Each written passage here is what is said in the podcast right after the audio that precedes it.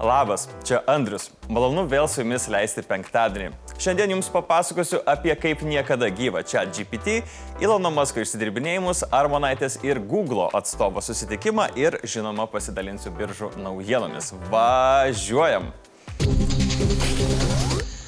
Oficialu. Chat GPT nebeužstrigęs laike.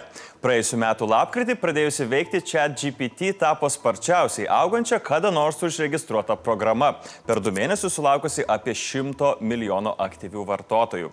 Didžiąją Chat GPT egzistavimo dalį programa apsiriboja duomenų rinkiniais, kurių informacija apsiriboja ties 2021 m. rugsėjų. Kai naudotojai jos klausdavo apie aktualesnius įvykius, ji atsakydavo, kad neturi galimybės naršyti internete realiuoju laiku. Todėl vienas iš kuriejų tikslų buvo išplėsti čia GPT duomenis ir galimybės į čia ir dabar. Kovo mėnesį bendrovė ribotam naudotojų skaičių suteikė JetGPT su naršymo internete įskiepiu. Gegužės mėnesį OpenAI debitavo Browse with Bing, tačiau birželį bendrovė šią funkciją sustabdė po to, kai kai kurie naudotojai nustatė, kad ją galima naudoti mokamam turiniui apeiti. Bendrovė pamažu šią funkciją išbandinėjo taip, kad ji nepažeistų interneto taisyklių. Antradienį Browse with Bing oficialiai pabaigė beta versiją ir atrodo, ji liks visam laikui. Be to, nuo šios savaitės chat GPT gali generuoti vaizdus naudodama OpenAI DOL Sol i3 naująją vaizdų generavimo dirbtinio intelekto modelio versiją. Tačiau ši galimybė beta versijos režimu buvo įdėkta tik tam tikriems naudotojams. Šių metų pradžioje Microsoft padidintos investicijos į OpenAI dar 10 milijardų dolerių tapo didžiausia metų investicija į dirbtinį intelektą. Balandžio mėnesį startuolis užbaigė 300 milijonų dolerių vertės akcijų pardavimą, kurio vertė siekia 27-29 milijardus dolerių. Ir į kurį investavo tokios įmonės kaip Sequoia Capital ir Andersen Horowitz. Pranešama, kad platformos X, anksčiau vadintos Twitter savininkas Ilonas Muskas svarsto galimybę programėlę iš Europos panaikinti dėl naujų interneto platformų reglamentų mūsų regione. Teigiama, kad milijardierius verslininkas išnagrinėjo galimybę arba padaryti programėlę neprieinamą Europos regione, arba įvesti apribojimus, kad ES vartotojai negalėtų ją naudotis. Šis žingsnis žengtas reaguojant į besikeičiančią reguliavimo aplinką, darančią įtaką interneto platformoms Europoje. Rūpiučio mėnesį ES prieėmė skaitmeninių paslaugų aktą DSA. O va šiame akte Maskui nepatiko nustatytos taisyklės, kuriomis siekiama užkirsti kelią žalingo turinio sklaidai, uždrausti arba apriboti tam tikrą naudotojų nukreipimo praktiką ir dalytis kai kuriais vidaus duomenimis su reguliavimo institucijomis arba susijusiais tyrėjais. Ilono sprendimas pašalinti X priimtas po to, kai Europos komisijos užsakymų atliktame tyrime buvo nustatyta, kad X e tarp šešių pagrindinių socialinių tinklų buvo aptikta daugiausiai dezinformacijos. Tyrime išanalizuota daugiau kaip 6000 unikalių socialinės žiniasklaidos pranešimų Facebook, Instagram, LinkedIn, TikTok, X ir YouTube platformose, daugiausiai dėmesio skiriant trijų šalių - tai Ispanijos, Lenkijos ir Slovakijos turiniui, kuris dėl rinkimų ar karo Ukrainoje artumo pripažintas ypač jautriu dezinformacijai. Už vertybės ir skaidrumą atsakinga ES komisijos narė Vera Jurova įspėjo X laikytis griežtų įstatymų. Tuo tarpu mes stebėsime, Maskas geriau laikysis taisyklių ar vis dėlto jam bus paprasčiau nesusišluoti savo šiukšlių ir užbaninti Europą nuo savo platformos. O dabar biržų topai. Po smukusių trečiojo ketvirčio pajamų Nokia pranešė, kad pagal išlaidų mažinimo planą panaikins iki 14 tūkstančių darbo vietų. Tokios žinios nesužavėjo investuotojų. Nokijos akcijos pastebimai smuko. Dideli darbuotojų atleidimai pradėti po to, kai Nokia pranešė, kad trečiojo ketvirčio grinieji pardavimai palyginti su praėjusiais metais sumažėjo 20 procentų ir sudarė beveik 5 milijardus eurų. Pelnas per šį laikotarpį palyginti su praėjusiais metais sumažėjo 69 procentais ir ir siekia 133 milijonus eurų. Trečiadienį prieš prekybą Netflix akcijos pabrango daugiau nei 12 procentų po to, kai trečiojo ketvirčio rezultatai pranoko lūkesčius. Platformoje atsirado 8,8 milijonai abonentų, tai geriausias rezultatas nuo pandemijos įkarščio, dar atsižvelgiant į tai, kad neseniai Netflix visiems vartotojams pakėlė kainas.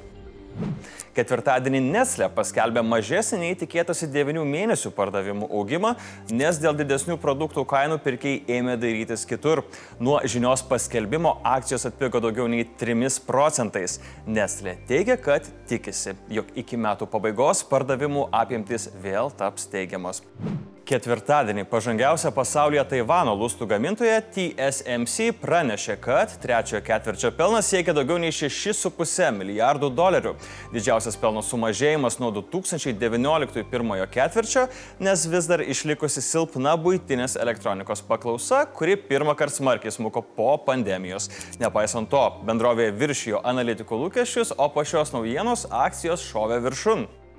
Spectral AI - dirbtinio intelekto bendrovė, kuri daugiausiai dėmesio skiria medicininiai diagnostikai skirtai greitesniems ir tikslesniems gydimo sprendimams žaizdų priežiūros srityje, paskelbė, kad jos DeepView Snapshot Wound Imagining System dabar pažymėta Junktinės karalystės atitikties įvertinimo ženklų, kad ją būtų galima naudoti Junktinėje karalystėje, o Junktinių Amerikos valstijų maisto ir vaistų administracija ją priskyrė pirmos klasės medicinos prietaisams. Tokia žinia sujudino investuotojus, mat įmonės akcijos šoko į nematytas aukštumas. Ekonomikos ir inovacijų ministrė Aušrinė Armonaitė susitiko su Google politikos vadovu Levente Juhasu aptarti dirbtinio intelekto saugumo klausimų inovacijų viešajame sektorėje, taip pat pristatyti Lietuvoje startuosiančią skaitmeninės rinkodaros ir analitikos programą. Šis susitikimas vyko investuotojų forume Foreign Investors Annual Summit 2023, kurį ministrė pasinaudojo Lietuvos konkurencinė padėtimi, investicinės aplinkos, inovacijų ir talentų politikos pristatymą pristatymui. Šiuo metu Lietuvos Seime svarstamos nacionalinio saugumo ir gynybos komiteto pirmininko Laurino Kašiūno parengtos pataisos visuomenės informavimo įstatymui ir baudžiamajam kodeksui. Šios pataisos siekia sustiprinti reguliavimą susijusi su manipuliavimu interneto platformų paskyromis ir draudžiama informacija socialiniuose tinkluose. Po susitikimo Armonaitė pranešė, kad Google atstovas palaiko Lietuvos iniciatyvą trinti paskiras, kurios kleidžia melagienas apie karą. Už manipuliavimą algoritmais, įskaitant botų fermas, kuriomis kleidžiama dezinformacija, šiuo metu nėra baudžiama. Tačiau prieimus šias pataisas už tokius veiksmus bus taikoma baudžiamoji atsakomybė. Armonaitė taip pat pasidalino, kad su Juhasu aptarė galimybę panaudoti dirbtinį intelektą viešajame sektoriuje. Ministrė pasidalino Lietuvos ketinimais įdarbinti dirbtinį intelektą, sumažinant biurokratiją versle ir gyvenime naudojant GovTech iniciatyvą viešajame sektorėje. Pasak Armonaitės, šiuo klausimu buvo sutarta bendradarbiauti.